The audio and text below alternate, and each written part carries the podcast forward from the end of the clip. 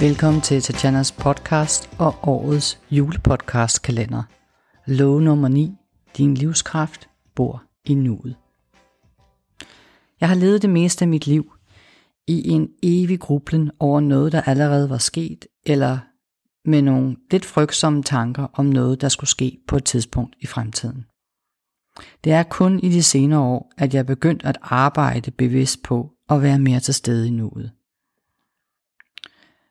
Selvfølgelig er det til dels nonsens, for der har været lommer i mit liv, hvor jeg var opslugt af noget og derfor også var fuldt til stede i nuet. Eksempelvis har jeg altid elsket at male.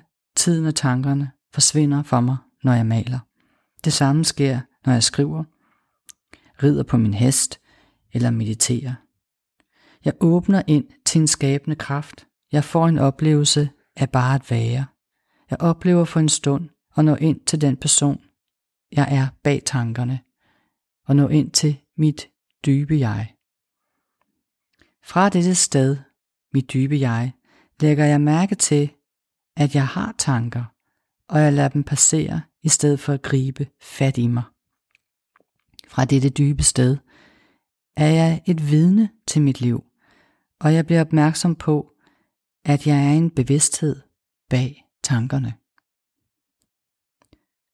Fra dette sted får jeg under tiden svar på de spørgsmål, mine tanker kredser om. Der hvor spørgsmålene opstår, kan jeg nemlig sjældent finde svarene. For spørgsmålene opstår i tankernes verden. Fra mit dybe jeg kan jeg få adgang til en kraft og en intelligens fra svarenes verden. Hvis jeg tager mig tid til at synke ind i mig selv og lytte, så kommer svarene ofte helt af sig selv.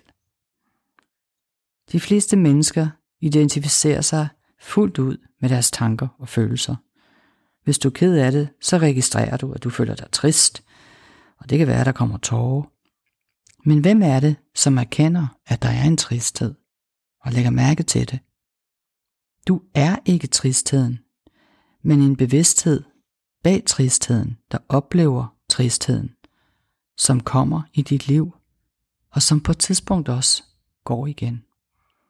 Det samme gælder dine tanker, som ikke er eviggyldige sandheder, selvom det tit opleves sådan, når du tænker dem. Når jeg giver terapi, er jeg nærværende, vågen og opmærksom på en helt særlig måde. Min underviser på uddannelsen sagde altid, at den bedste terapeut var dum, doven og sig selv. Dum, fordi terapeuten aldrig har nogen plan eller noget svar. Doven, fordi det er klienten, der skal arbejde, so to speak. Og så selv, hvilket kræver, at jeg som terapeut etablerer et ægte møde med dig, hvor du føler dig set, og jeg viser mig som den, jeg også er. Samme lærer lærte mig også at læne mig tilbage og synke ind i en tilstand af det, som man kalder for ufokuseret opmærksomhed.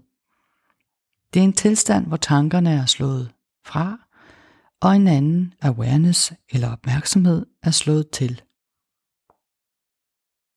Jeg oplever det som en tilstand af overvågen stillhed med en sjæls tilstedeværelse. De fleste klienter taler om noget, som er sket i fortiden. Og problemet med at tale fra dette sted er, at det netop er sket i fortiden. Og her bor alle forklaringerne, og der kan tales i timevis fra dette sted, uden at der kommer mere klarhed af den grund. Mange mennesker har en klagende stemme i hovedet, som evigt fortæller, at nogen har gjort noget forkert, har gjort for lidt, for meget, eller på en anden måde har gjort uret. Tankerne skaber en evig adskillelse fra andre mennesker, og tankerne søger at styrke en illusion om at være bedre end andre, have mere ret osv. Og denne selvforståelse lever nærmest af at have konflikter til at kunne hæve sig selv på.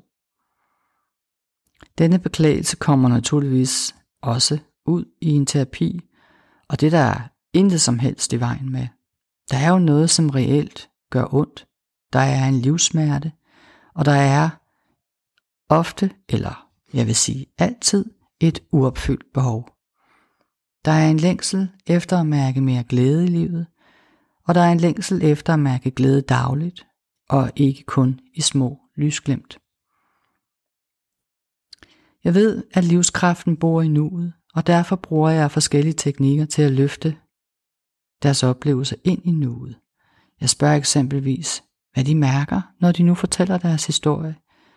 Så bliver opmærksomheden flyttet væk fra tankerne og ned i kroppen.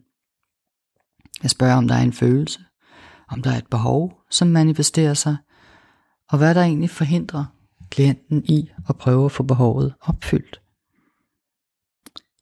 I terapien opdager du dig selv i nuet, og i terapien øver du dig i det, som du har svært ved, så du bliver bedre til at være til stede i og nyde nuet, velvidende at du er i stand til at håndtere et hvert nu, der opstår.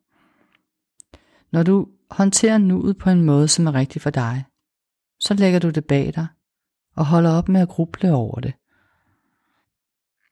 Når du ved, at du til enhver tid har ressourcerne til at håndtere nuet med, så holder du også op med at have frygtsomme fantasier om fremtiden, om det næste nu, i morgen, så du i stedet hele tiden bliver bedre til at være til stede i det nuværende nu. Det bedste anker, du har i dit liv til at være i nuet med, det er din krop. Læg mærke til, hvad der sker i din krop. Nuet er det rum, hvor i alting i dit liv sker. Og når du træder ind i dette rum, i dette nu, så dæmper du den uhørlige strøm af tanker, som hele tiden tager din opmærksomhed. Du bliver dit dybe jeg bag tankerne. Eckhart Tolle har skrevet indgående om nuet, og om at vende tilbage og hjem til sig selv.